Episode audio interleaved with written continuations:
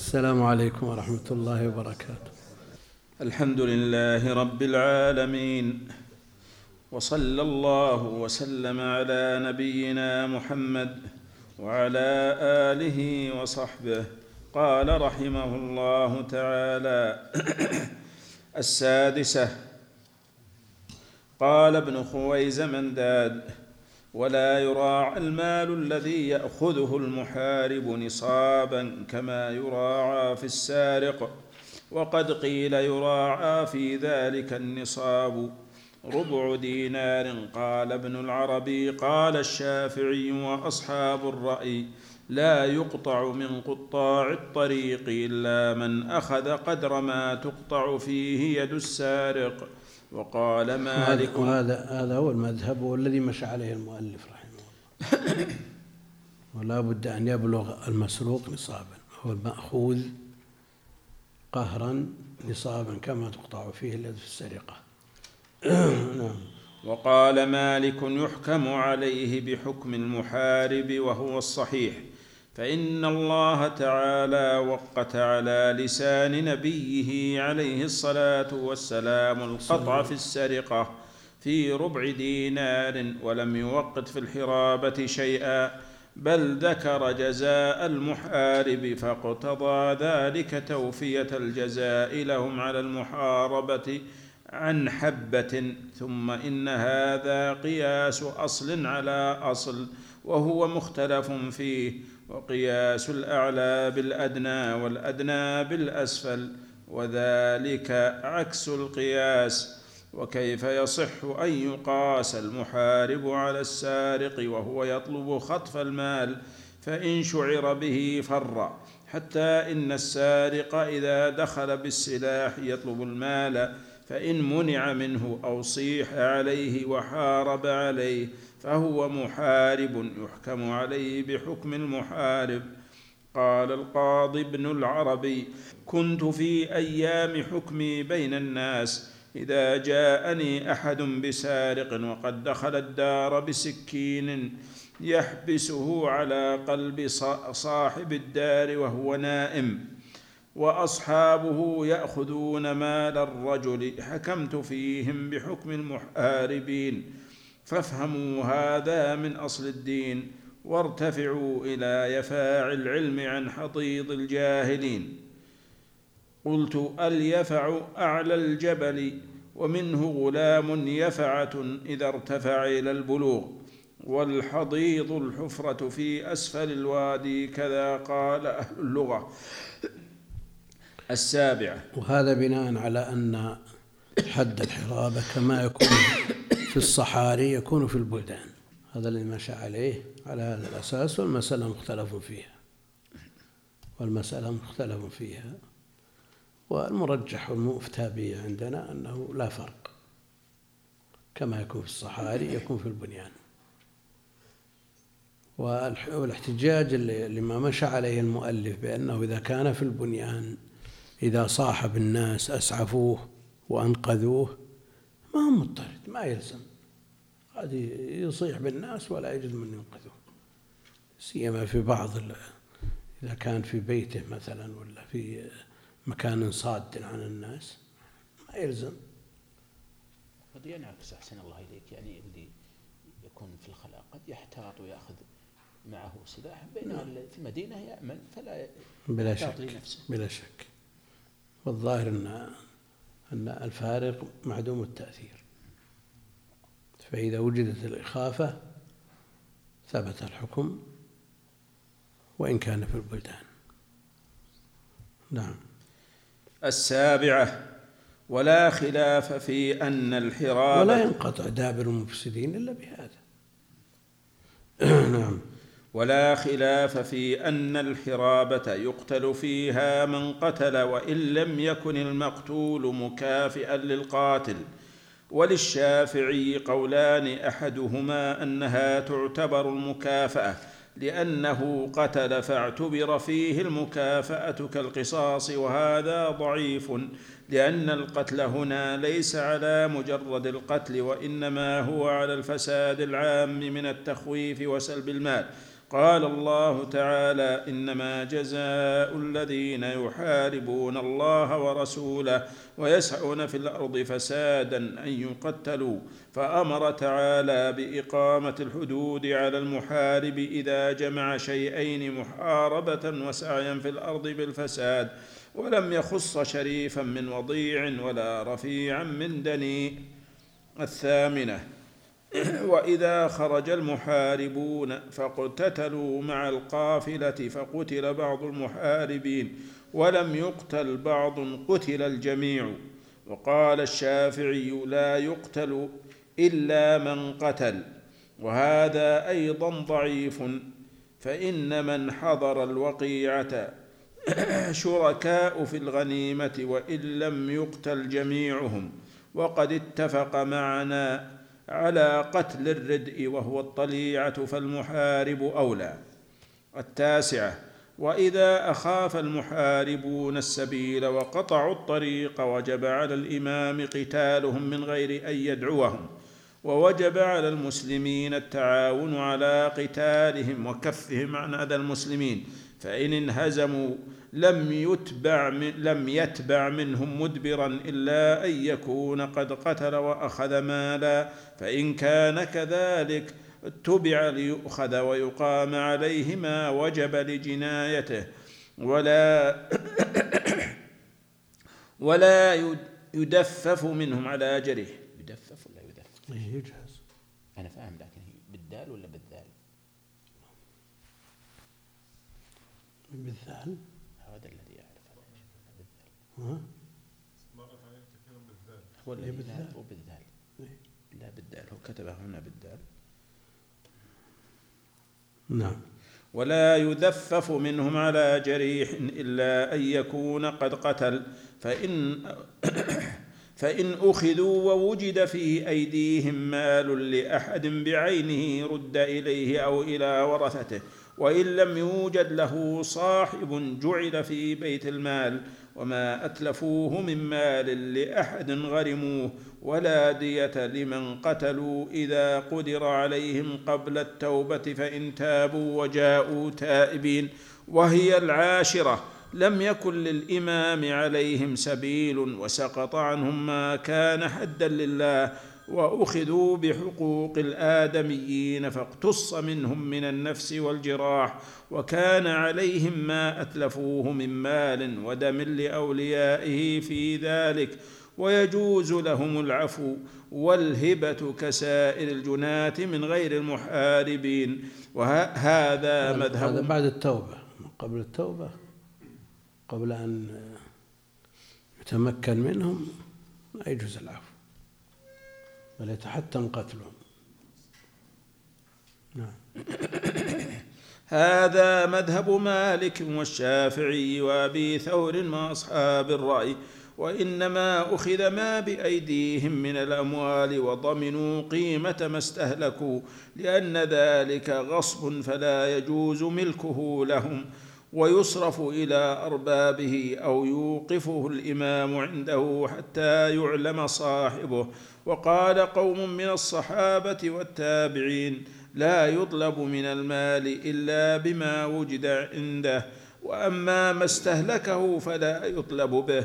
وذكر الطبري ذلك عن مالك من رواية الوليد بن مسلم عنه وهو الظاهر من فعل علي بن أبي طالب رضي الله عنه بحارثة بن بدر الغداني بحارثة بن بدر الغداني فإنه كان محاربا. قدام بالتشديد. بحارثة بن بدر الغداني فإنه كان محاربا ثم تاب قبل القدرة عليه فكتب له بسقوط الأموال والدم عنه كتابا منشورا. قال ابن خويز منداد واختلفت الرواية عن مالك في المحارب إذا أقيم عليه الحد ولم يوجد له مال. هل يتبع دينا بما أخذ أو يسقط عنه كما يسقط أو يسقط عنه كما يسقط عن السارق وعن السارق والمسلم والمسلم والذمي في ذلك سواء الحادية عشرة وأجمع أهل العلم على أن السلطان ولي من حارب فإن قتل محارب أخ امرئ أو أباه في حال المحاربة فليس إلى طالب الدم من أمر المحارب شيء ولا يجوز عفو ولي الدم. ولا يجوز عفو ولي الدم والقائم بذلك الإمام جعلوا ذلك بمنزلة حد من حدود الله تعالى. قلت فهذه جملة من أحكام المحاربين. جمعنا جمعنا غررها واجتلبنا دررها ومن أغرب ما قيل في تفسيرها وهي الثانية عشرة تفسير مجاهد لها. قال مجاهد المراد بالمحاربة في هذه الآية الزنا والسرقة. وليس بصحيح فإن الله سبحانه بين في كتابه وعلى لسان نبيه أن السارق تقطع يده وأن الزاني يجلد يجلد وأن الزاني يجلد ويغرب إن كان بكرا ويرجم إن كان ثيبا محصنا. وأحكام المحارب في هذه الآية مخالف لذلك. اللهم إلا أن يريد إخافة الطريق بإظهار السلاح قصدا للغلبة على الفروج فهذا أفحش المحاربة وأقبح من أخذ الأموال وقد دخل هذا في معنى قوله تعالى ويسعون في الأرض فسادا الثالثة عشرة قال علماؤنا ويناشد اللص بالله تعالى فإن كف ترك فإن كف ترك وإن أبى قوتل فإن أنت قتلته فشر قتيل ودمه, ودمه هدر روى النسائي عن أبي هريرة أن رجلا جاء إلى رسول الله صلى الله عليه وسلم فقال يا رسول الله أرأيت إن عدي على مالي؟ قال فانشد بالله. قال فإن أبوا علي؟ قال فانشد بالله. قال فإن أبوا علي قال فانشد بالله. قال فإن أبوا علي قال فقاتل. فإن قتلت ففي الجنة وإن قتلت ففي النار. وأخرجه البخاري ومسلم وليس فيه ذكر المناشدة. عن أبي هريرة قال جاء رجل جاء رجل إلى رسول الله صلى الله عليه وسلم فقال يا رسول الله. أرأيت إن جاء رجل يريد أخذ مالي؟ قال فلا تعطه مالك. قال أرأيت إن قاتلني؟ قال فقاتل. قال أرأيت إن قتلني؟ قال فأنت شهيد. قال فإن قتلته؟ قال هو في النار. قال ابن المنذر.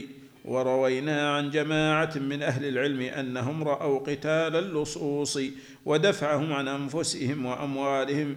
هذا مذهب ابن عمر والحسن البصري وإبراهيم النخعي وقتادة ومالك وقتادة ومالك والشافعي وأحمد وإسحاق والنعمان وبهذا يقول عوام أهل العلم إن للرجل أن يقاتل عن نفسه وأهله وماله إذا أريد ظلما للأخبار التي جاءت عن النبي صلى الله عليه وسلم. لم يخص وقتا دون وقت ولا حالا دون حال إلا السلطان. فإن جماعة فإن جماعة أهل الحديث كالمجتمعين على أن من لم يمكنه أن يمنع عن نفسه وماله إلا بالخروج على السلطان ومحاربته أنه لا يحاربه ولا يخرج عليه للأخبار الدالة عن رسول الله صلى الله عليه وسلم التي فيها الأمر بالصبر على ما يكون منهم من الجور والظلم وترك قتالهم والخروج عليهم ما أقاموا الصلاة. قلت وقد اختلف مذهبنا إذا طلب الشيء الخفيف كالثوب والطعام هل يعطونه أو يقاتلون؟ وهذا الخلاف مبني على أصل وهو هل الأمر هل الأمر بقتالهم لأنه تغيير منكر أو هو من باب دفع الضرر؟ وعلى هذا أيضا ينتهي الخلاف في دعوتهم قبل القتال والله أعلم. الرابعة عشرة. قوله تعالى ذلك لهم خزي في الدنيا لشناعة المحاربة وعظم ضررها وإنما كانت المحاربة عظيمة الضرر لأن فيها سد سبيل الكسب على الناس لأن أكثر المكاسب وأعظمها التجارات وركنها وعمادها الضرب في الأرض كما قال عز وجل وآخرون يضربون في الأرض يبتغون من فضل الله. فإذا خيف الطريق فإذا أخيف الطريق انقطع الناس عن السفر واحتاجوا إلى لزوم البيوت فانسد باب التجارة عليهم وانقطعت أكسابهم فشرع الله على قطاع الطريق. الحدود المغلظة وذلك الخزي وذلك الخزي وذلك الخزي في الدنيا ردعا لهم عن سوء فعلهم وفتحا لباب التجارة التي أباحها لعباده لمن أرادها منهم ووعد فيها بالعذاب العظيم في الآخرة وتكون هذه المعصية خارجة عن المعاصي ومستثناة من حديث عبادة في قول النبي صلى الله عليه وسلم فمن أصاب يرحمك الله. فمن أصاب من ذلك شيئا فعوقب به في الدنيا فهو له كفارة. والله أعلم. ويحتمل. الاستثناء والحرابة حد. والحدود كفارات عند أهل العلم. رحمك الله. الحدود كفارات كما جاء في الحديث. حديث عبادة. فهل هؤلاء إذا قدر عليهم ونفذت فيهم الحدود تكفر عنهم أو يكفر عنهم ما ارتكبوه من الجرم العظيم. نعم أصابهم الخزي بتطبيق الحد عليهم ولكن هل يحاسبون ويعاقبون عليه في الآخرة أم أنهم لا يجمع عليهم بين حدين في الدنيا والآخرة؟ معروف كلام أهل العلم في الحدود المعروفة لله جل حقوق الله جل وعلا هذه إذا طبقت ما فيها إشكال وفيها النص. لكن إذا تعدى ذلك إلى حقوق العباد وما يترتب عليها من مضار ومفاسد عامة لا تخص شخصا بعينه مثل إخافة السبيل في هذه المسألة لا شك أن الأمر عظيم و المفسر رحمه الله ذكر أن هذا الحد لا يدخل في الحدود التي يشملها العفو إذا أقيمت ها؟ شلون؟ إيه لكن الحدود كفارات. فإذا حصل الحد كفرت ذنوبه أو ذنبه الذي ارتكبه. هذا محل النص اللي في حديث عبادة. لكن إذا ترتب مع حق الله جل وعلا حق المخلوق كالقتل هل القصاص يمحو أثر الذنب ولا يبقى حق المخلوق ما استوفى منه شيئا؟ ولو استوفى ورثته القصاص أو الدية أو ما أشبه ذلك. المقتول ما وصل شيء. ولذا يختلف حديث يأتي برأسه. إيه معروف أنه يطالب لكن هل يرضى؟ يرضيه الله جل وعلا عن ذلك المقتول الذي أقيم عليه حق حد القصاص؟ ها؟ يرضى.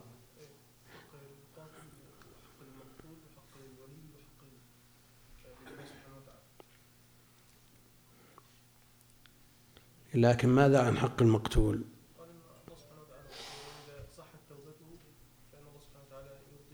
هذا اللي ذكره. أن الله جل وعلا يرضيه. ولا شك أن ما فاته في الدنيا لا يعادل ما يحصل له في الآخرة من رضا الله جل وعلا وإرضائه. على كل حال المسألة حقوق العباد شأنها عظيم. والحقوق الخاصة وإن كان لها شأن عند الله لأنها حق من حقوق العباد أشد منها الأمور العامة وإخافة الناس وزعزعة الأمن وإلى وقت قريب كانت السبل يعني قبل التوحيد المملكة و والأمن الذي نشره الله على هذه البلاد بسبب تحقيق التوحيد والسبل مخوفة لا يستطيع الإنسان أن يسافر وحده أو بدون سلاح. ومنذ عقود ولله الحمد والناس آمنون في هذه البلاد يسافر الرجل وحده وقد يسافر بزوجته وقد تكون الزوجة في كامل زينتها لأنه يحصل أنه ليلة الزواج بلباسها ينطلقون مسافرين. والحمد لله ونسأل الله جل وعلا أن يديم هذه النعمة لأنها من أعظم النعم لأنه لا يتمكن من النعم الأخرى إلا بها. يعني العبادات إذا مع مع الخوف قد تتخلف. إذا كان الإنسان لا يستطيع أن يخرج من بيته ليصلي ولا يستطيع أن يحج. هذا من باب أولى خافت السبل وأمن الطريق شرط لوجوب الحج عند أهل العلم. وإذا وصل الخوف هذا شيء ذكرناه وكررناه في بلاد الأندلس في آخر دولة الإسلام. استفتى أهل الأندلس علماء المغرب كيف يصلون؟ وهم لا يتمكنون لا من الوضوء ولا من التيمم. لأن أبواب البيوت مخلوعة. في آخر الوقت شالوا الأبواب النصارى لكي يتمكنوا من الدخول في أي لحظة يريدون. فأفتوا بأنه يحتالون على التيمم. فالواحد منهم كأنه يحك ظهره ويمسح الجدار. نوصل الأمر إلى هذا الحد. الحياة لا قيمة لها أصلا. وحصل منهم من من التعذيب ومن الجرائم والوقوع في الأعراض وهتك أعراض بالنسبة إلى النساء والصبيان وتعليق الناس بأرجلهم. شيء يعني ذكروا حتى في آه، تيمور لما دخل دمشق وأذن للعساكر أن يعبثوا بها صاروا صاروا يجيبون غبار غبار ناعم جدا ويضعونه في خرق ويلثمون به الناس. نعم؟ يلثمون خرقة فيها غبار حين الناس ما يتحملون الغبار اللي بالجو العام فكيف إذا وضع تراب غبار ناعم جدا في خرقة ولثم بها وجعلوه يستلقي على الأرض ومعهم أباريق فيها ماء يصبونها في مناخرهم. شيء شيء ما ما يطاق سماعه نسأل الله العافية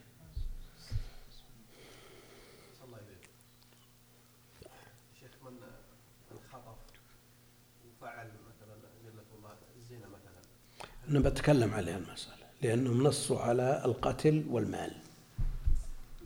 نعم اللي عندنا في الكتاب ما في ذكر انتهاك الأعراض. نعم شو؟ إي لكن لكن هي مسألة خلافية بين أهل العلم. والإشكال فيها هي أعظم من من الأموال بلا شك. هي أعظم من الأموال وعقوبتها لا بد أن تكون أشد من الأموال. لكن هل العقوبات المذكورة في آية الحرابة تنطبق عليها؟ هل تنطبق عليها؟ يقطع من من خلاف ولا يصلب ولا وش يسوي؟ وإذا كان ما هو محصن هو لا شك أنه محارب إذا كان مغتصب محارب ونسمع قصص تقشعر منها أبدان واستجد أشياء في عصرنا بسبب هذه الأجهزة ما كانت موجودة من قبل. مسألة الابتزاز. جعل المبتز يرضخ لما يريده المبتز. وهذه التصاوير في الجوالات أحدثت مشاكل. امرأة باعت جوالها بعد أن فرمتته على ما قالوا ومسحت جميع الصور على صاحب محل. صاحب المحل استطاع أن يعيد هذه الصور. المقصود أنه اشتراه واحد يعرف هذه المرأة وصار يطلع على صورها. امرأة جميلة جدا. مصورة النفس على أوضاع مشكلة. ويعرف زوجها. وهو جالس المطعم دخل زوجها. وكأنه لا يعرف المرأة. هذا اللي مع الجوال كأنه لا يعرف أن هذا زوج المرأة. فقال له هل تشاركني في هذه المرأة؟ اقتنصتها أخيرا. يقول زوجته. خرج من المطعم وقتله. يعني جرائم ظلمات بعضها فوق بعض. تحتاج إلى حل حاسم والنساء والصبيان مساكين. إذا هددوا صوروا على أوضاع أو دبلج عليهم صور والنساء لا يحتطن في أمورهن في في أماكن الزواج والحفلات يتزينن ويظهرن المحاسن. والكاميرا بيد كل واحد الآن. فهذه مشكلة تحتاج إلى حل جذري ومع ذلك لو حصل لا سمح الله لأحد أو لامرأة بعينها لا يجوز لها أن تستسلم. وسوف ينقذها الله جل وعلا يبرئها كما برأ عائشة. بس تصدق مع الله. لأن بعضهم يستسلم. خوفا من العار خوف يدري يعرف الزوج أو يعرف الوالد أو يعرف صحيح أنها مشكلة وكارثة إذا وقعت لكن أسهل من الاستسلام للفاحشة. الناس يضغطون بهذه الصور على على أصحابها بالفلوس. امرأة تدينت لشخص بالكويت ستين ألف دينار علشان مصورة تدينت له من البنك. فأولا على ولي الأمر أن يراقب ويشدد الرقابة وعلى المرأة وغيرها أن تحتاط لنفسها. وعلى ولاة الأمور أن يتتبعوا أمثال هؤلاء ويردعوهم عن مثل هذه الأفعال بالعقوبات الزاجرة والرادعة.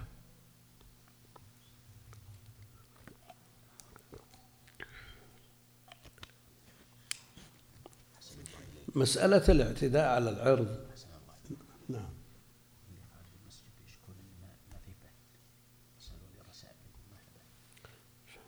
يقول ما في بث.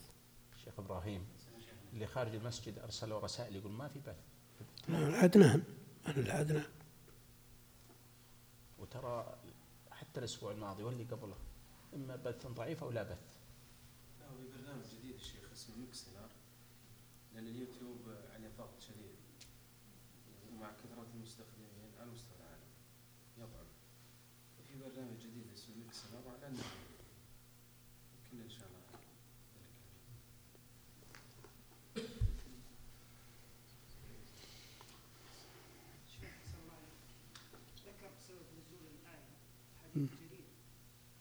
إيه.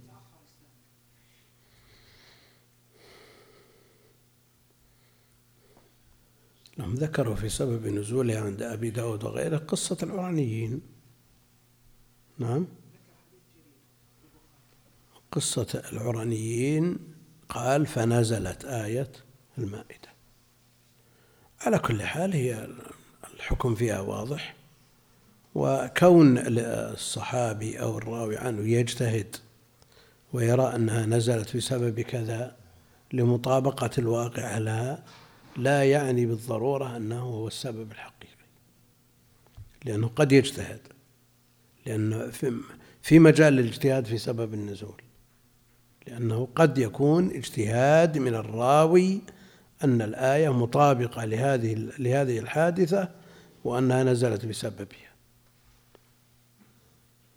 ولذلك الجمهور على أن أسباب النزول ليس لها حكم الرافع.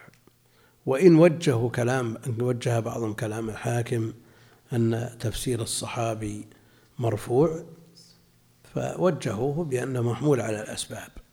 لكن الأسباب نظرا لوجود أكثر من من من قصة تنزل عليها الآية وقد يكون بينهما نوع اختلاف ما يدل على أنه قد يدخلها الاجتهاد. نعم. خلاص؟ خلاص؟ لا باقي. ما يسمى. ها؟ كون الحدود كفارات. ما علاقتها بالتوبة؟ شلون؟ توبة يشترط توبة حتى تكون كفارة. لا هو النص ما يدل على أن هناك توبة. مجرد تنفيذ الحد وأن الله لا يجمع عليه حدين آه، هي كفارات. نعم ويحتمل أن يكون الخزي لمن عوقب وعذاب الآخرة لمن سلم في الدنيا ويجري هذا الذنب مجرى غيره ولا خلود لمؤمن في النار على ما تقدم ولكن يعظم عقابه لعظم الذنب ثم يخرج إما بالشفاعة أو وإما بالقبضة ثم إن هذا الوعيد مشروط مشروط الإنفاذ بالمشيئة كقوله تعالى ويغفر ما دون ذلك لمن يشاء أما إن الخوف يغلب عليهم بحسب الوعيد وكبر المعصية. الخامسة عشرة قوله تعالى إلا الذين تابوا من قبل أن تقدروا عليهم استثنى جل وعز التائبين قبل أن يقدر عليهم وأخبر بسقوط حقه عنهم بقوله فاعلموا أن الله غفور رحيم. أما القصاص وحقوق الآدميين فلا تسقط. ومن تاب بعد القدرة فظاهر الآية أن التوبة لا تنفع وتقام الحدود عليه كما تقدم. وللشافعي قول أنه يسقط كل حد بالتوبة والصحيح من مذهبه أن ما تعلق به حق الادمي قصاصا كان أو غيره فإنه لا يسقط بالتوبة قبل القدرة عليه. وقيل أراد بالاستثناء المشرك إذا تاب وآمن قبل القدرة عليه فإنه تسقط عنه الحدود وهذا ضعيف.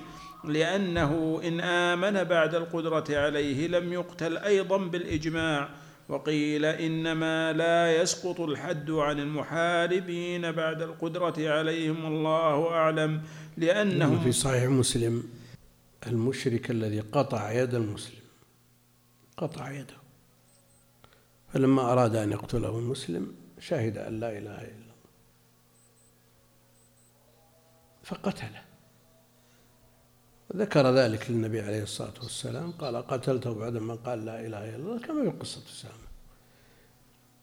قال إنه قطع يدي. قطع يدي.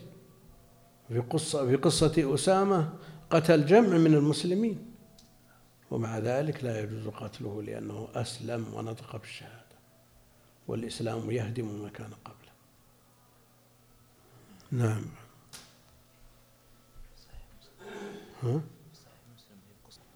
وقيل إنما لا يسقط الحد عن المحاربين بعد القدرة عليهم والله أعلم لأنهم متهمون بالكذب في توبتهم والتصنع فيها إذا نالتهم يد الإمام أو لأنه لما قدر عليهم صاروا بمعرض أن ينكل بهم فلم تقبل توبتهم كالمتلبس بالعذاب من الأمم قبلنا أو من صار إلى حال الغرغرة فتاب. فأما إذا تقدمت توبتهم فأما إذا تقدمت توبتهم القدرة عليهم فلا تهمة وهي نافعة على ما يأتي بيانه في سورة يونس. فأما, الشر فأما الشراب والزناة والسراق إذا تابوا وأصلحوا وعرف ذلك منهم ثم رفعوا إلى الإمام فلا ينبغي له أن يحدهم وإن رفعوا, رفعوا إليه فقالوا تبنا لم يتركوا وهم في هذه الحال كالمحاربين إذا غلبوا والله أعلم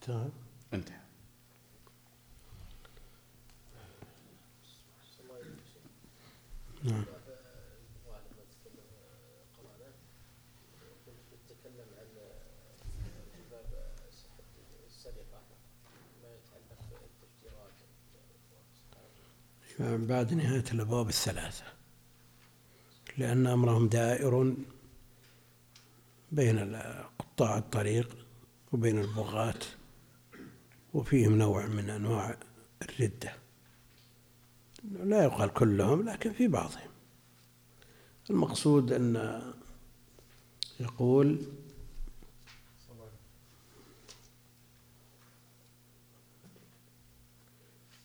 فيغصبونهم المال مجاهرة. فالمؤلف قصر الباب على القتل وأخذ المال. وأما الانتهاك انتهاك الأعراض والاغتصاب والخطف كأنه لا يدخل في هذا الباب وهي مسألة خلافية. جمع من أهل العلم قالوا هي من أشد أنواع هذا الباب وشر أنواع هذا الباب. والمغني ذكر شيء من هذا ذكر الخلاف. شوفوا. بسم الله عندك؟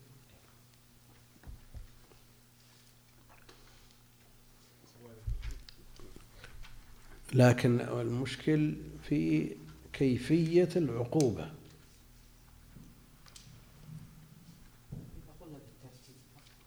ها؟ إذا قلنا بالترتيب صارت المشكلة في آه، أما إذا قلنا إن هذا الترتيب الإمام الاجتهاد الإمام اجتهاد الإمام. يكون تعزير. ما يكون حد. إذا قلنا الاجتهاد الإمام ما قلنا حد الحرابة. نقول من باب التعزير.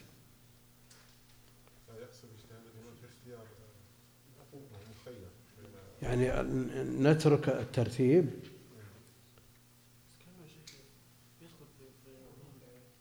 من هو؟ إيه لكن من أي الأقسام المذكورة؟ ها؟ أن يقتلوا يعني يتحتم قتلهم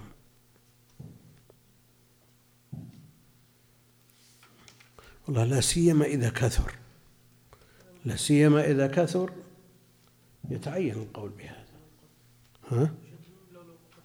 ما في شك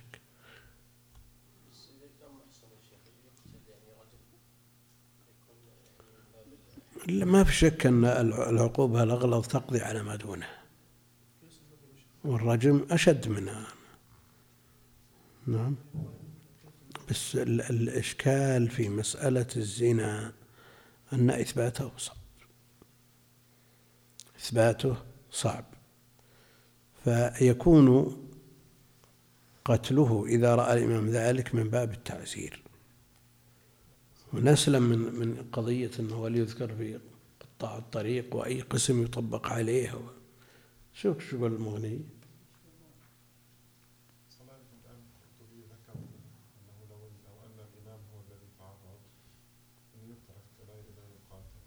إيه. إذا أراد أن يأخذ المال. إيه؟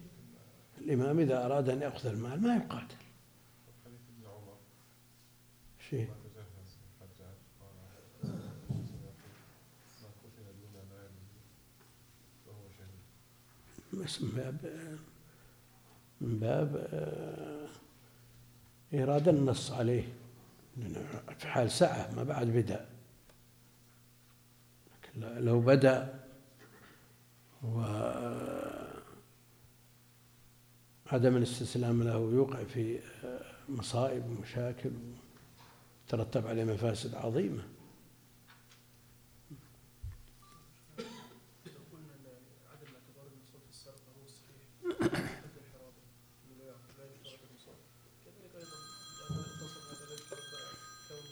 محصنا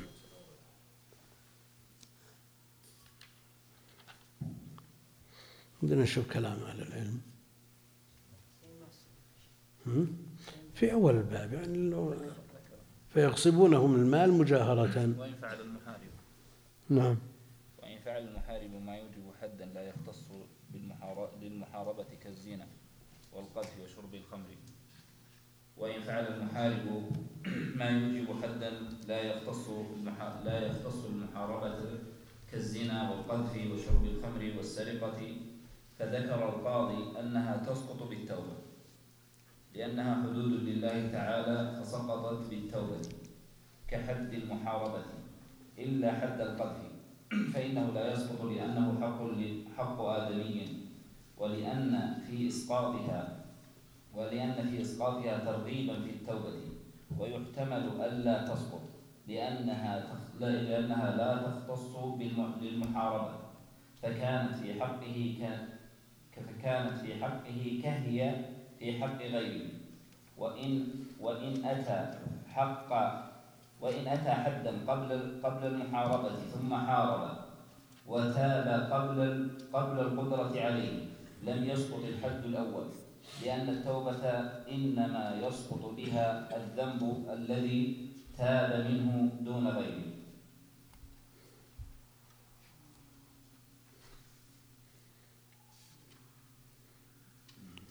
لكن ما ما تتداخل هذه الحدود؟ ما دام سقط الأعلى يسقط الأدنى؟ ها؟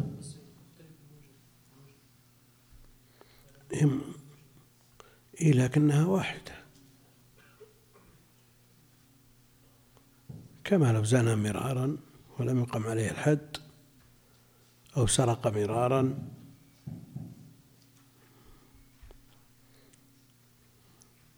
هل سرق؟ فلم يقم عليه الحد. ثم حارب وأخذ المال ثم تاب قبل القدرة عليه.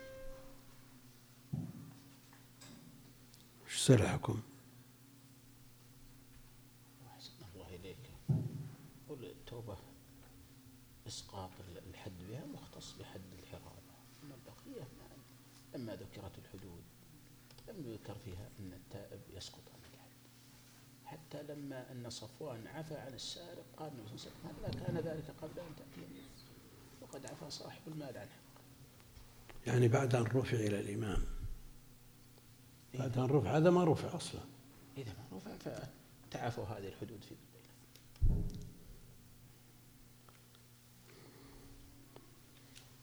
لقيت شيء؟ في عن التوبة كلام. لما نبي نبي الز- دخول الاغتصاب. لأنه ذ- ذكر النفس وال- والمال بقي العرض. من قتل دون نعم النتيجة ما هي واحدة في مسألة ال- القتل آه، كونها قاطع طريق أو مغتصب والرجم أيضا نتيجة واحدة وغير الموت. القضية في ال- عدم المحسن وهي الأخف التغريب والسجن اي لكن اذا نعم. هل يتحتم قتله ولا ما يتحتم؟ هل هو عقوبته مغلظة؟ أشد مما لو زنى بطريقة عادية ما فيها اغتصاب ولا فيها شيء؟ لا شك أن الأمر يختلف. ولذلك أدخل بعضهم الزنا أو اغتصاب الأعراض في الحرابة. لكن اللي يرد على ذلك في كيفية تطبيق أحد الأقسام الموجودة لأن أو للتقسيم للتنويع وليست للتخيير.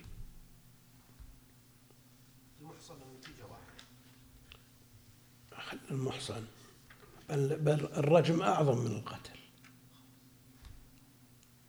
لكن مسألة مفترضة في غير محصن. هل يتحتم قتله لأنه محارب أو نقول أنه يكتفى فيه الحد وإن عوقب بعقوبات زاجرة غير مسألة القتل ها؟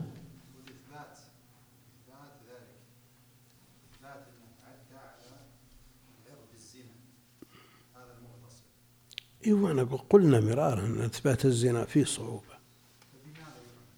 وين؟ هل في هذا تدخل الأدلة والفحص الطبي؟ أم يحتاج إلى كما في الزنا؟ الزنا يحصل قضايا مثلا شخص يختطف له بنت ويذهب بها لمدة شهر أو شهرين ثم يرجع بها. هذا وش حكمه؟ وماذا عن أهلها ووالديها وأسرتها. ترى الجرم عظيم. نسأل الله السلام إيه ما في شك ولا بد من الأخذ ما لا بد من الضرب بيد من حديد على مثال هؤلاء. شو يقول؟ رحمه الله تعالى فصل إذا اجتمعت الحدود لم تخلو من ثلاثة أقسام. القسم الأول أن تكون خالصة لله تعالى فهي نوعان. أحدهما أن يكون فيها قتل مثل أن يسرق و... ويزني وهو محصن ويشرب الخمر ويقتل في المحاربة فهم فهذا يقتل ويسقط سائرها. وهذا قول ابن مسعود وعطاء والشعبي ما هو بهذا اللي نبي والنخعي. ها؟ هذا التداخل ما هو بهذا اللي نبي لقيت شيء أنت؟ ما نقول يا شيخ أتى بوصف زائد هذا لا هذا ما في إشكال هذا. لا لا لا هذا المسألة هذه غير المحصن أتى الله بالزنا وأتى بوصف زائد عليه الإخافة إخافة السبيل إخافة الآمنين هذا له شأن عظيم في الشرع. ليس بالسهل ودخلنا شفنا في الحراب الظاهر لكن تنزل على أي حكم هو المجتمع أي أنا أنا أقول ما في إشكال إلا على أي الأنواع تتنزل. بس. إيه. وشو؟ إيه، اغتصب. وفعل الفاحشة وهو بكر. وش تسوي به؟ شو؟ ثبت. اعترف. اعترف. اعترف الم- المسألة ثابتة لكن وهو غير محصن يقتل ولا لا؟ لأنه محارب ومخيف للسبيل.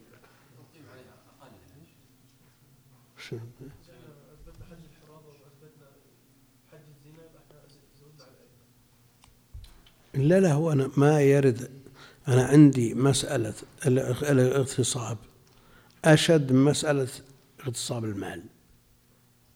نعم لكن يبقى تحت أي الأنواع تدخل في الآية عقوبته. ها؟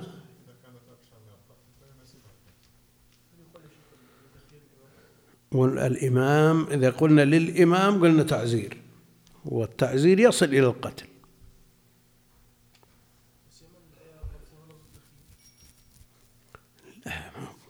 خلاف. هل تخيير ولا تنويع؟ كلام ابن عباس واضح إنه تنويع. ما هو بتخيير. هم؟ شيء؟ تنويع حسب نوع ال- حسب نوع الجريمة اللي معروف ال- ال- الأنواع الثلاثة في الجزاء على الأنواع الثلاثة في في ال- أين في الجريمة. كل جريمة لها ما يناسبها إذا كان إذا قتل يقتل أحسن الله إليك ولا عفو الأولياء من باب أولى إذا اغتصب العقل لأنه أشنع وأقبح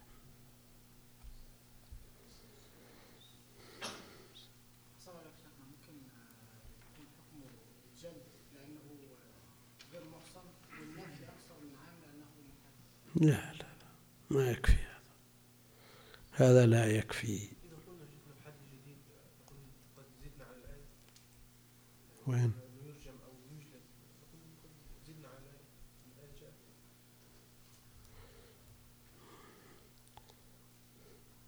والله مثل هذا قد لا يدخل في هذا الباب ويدخل في التعزير وهو موكول الإمام والقول المحرر والمحقق أن الإمام له التعزير وقد يصل إلى القتل. هذه أمور تقدر بقدرها. وإذا كثرت الأمر أعظم حصل في عهد الملك فهد رحمة الله عليه ثلاثة قتلوا بسبب آه، قطع طريق آه، زنا تذكر اي لا بعد حنا حنا نذكر أبو عبد الله يذكر خمسة قتلوا بسبب اغتصاب صبي في عهد الملك فيصل. إحنا نذكر. في قضايا كثيرة من هذا النوع لكن هل ما ما يقال في اغتصاب زنا تقول انت غير محصنين ج- اللي ضاعف ال- العقوبة الظاهر انهم كانوا من حق من الطرق أو شرطة أو شيء من عاد هذول عقوبتهم زايدة. لابد أن يعاقبون أكثر من غيرهم. نسأل الله العافية. يعني تكييف الحق العام وش يصير؟ لا شك أن ال- الجناية يتنازعها أشياء. يعني هل الزنا محض حق الله فقط؟ أو أن الطرف الثاني له حق نعم. وأيضا ال- الأولياء لهم حق لأن العار يلحقهم جميعا.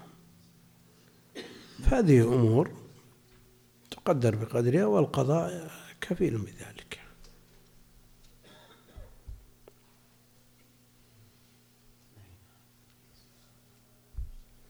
اللهم صل على محمد أبو عبد الله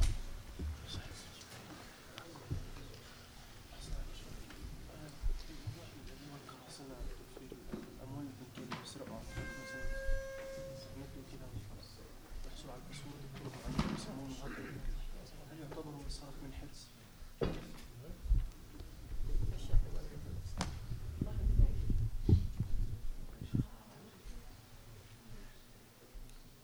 وعلى حسب ضبطه.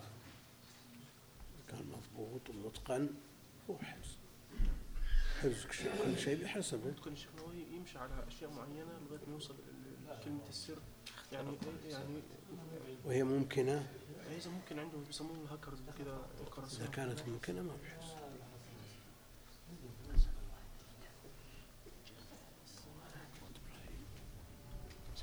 إبراهيم يشوف الوقت المناسب. أنا شيء قريب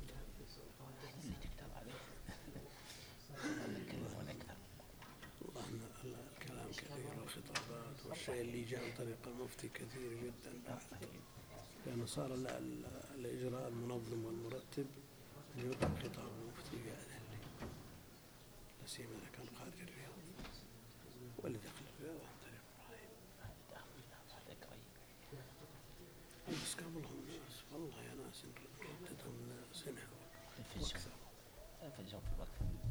ما في أحد.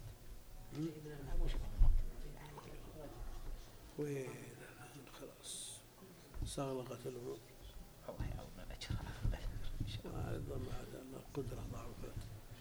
البركه إن شاء الله. عندنا صلاة الجمعة مسجد. صلي أبو عبد الرحمن ولد الشيخ عبد العزيز العقل عنده 450 طالب. جايين من أقطار الدنيا 80 جنسية. مسكنهم كم؟ ثمان عماير كبار. لازمين المسجد هو اللي تولاهم هو اللي ما شاء الله. سلف يا أخي من من سنتين وهو يطلب لقاء معهم ويطلب أشياء. وأنا أروح هناك بس. توفيق دون على أجر إن شاء الله. الله شيخ صلى الله عليكم في ال- آه، الآونة الأخيرة في ظاهرة. الحين آه، إحنا ودنا نصلي بس أبو عبد الله ما بعد قضاء. مسولف يمدينا نسأل ها؟ إحنا ودنا نصلي بس أنا ما قضيت مسولف إلى م- مسكت المصحف. هذا يلزم الدور يا شيخ. مسكت السواليف.